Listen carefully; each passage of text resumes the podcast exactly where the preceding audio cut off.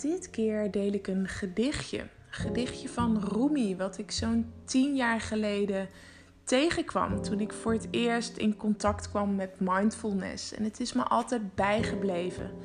Ik vind het een hele mooie metafoor om mindful in het leven te staan. Om mindful naar dingen te kijken die zich afspelen in jou. En het heet De Herberg. En dit mens zijn is een soort herberg. Iedere dag weer nieuw bezoek. Een vreugde, een depressie, een benauwdheid.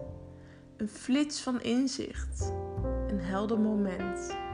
Als een onverwachte gast. Verwelkom ze. Ontvang ze allemaal gastvrij. Zelfs als er een menigte verdriet binnenstormt, die met geweld je hele huisraad kort en klein slaat. Behandel elke gast met eerbied en met respect. Misschien ruimt hij iets bij je op om plaats te maken, ruimte voor iets moois, iets nieuws.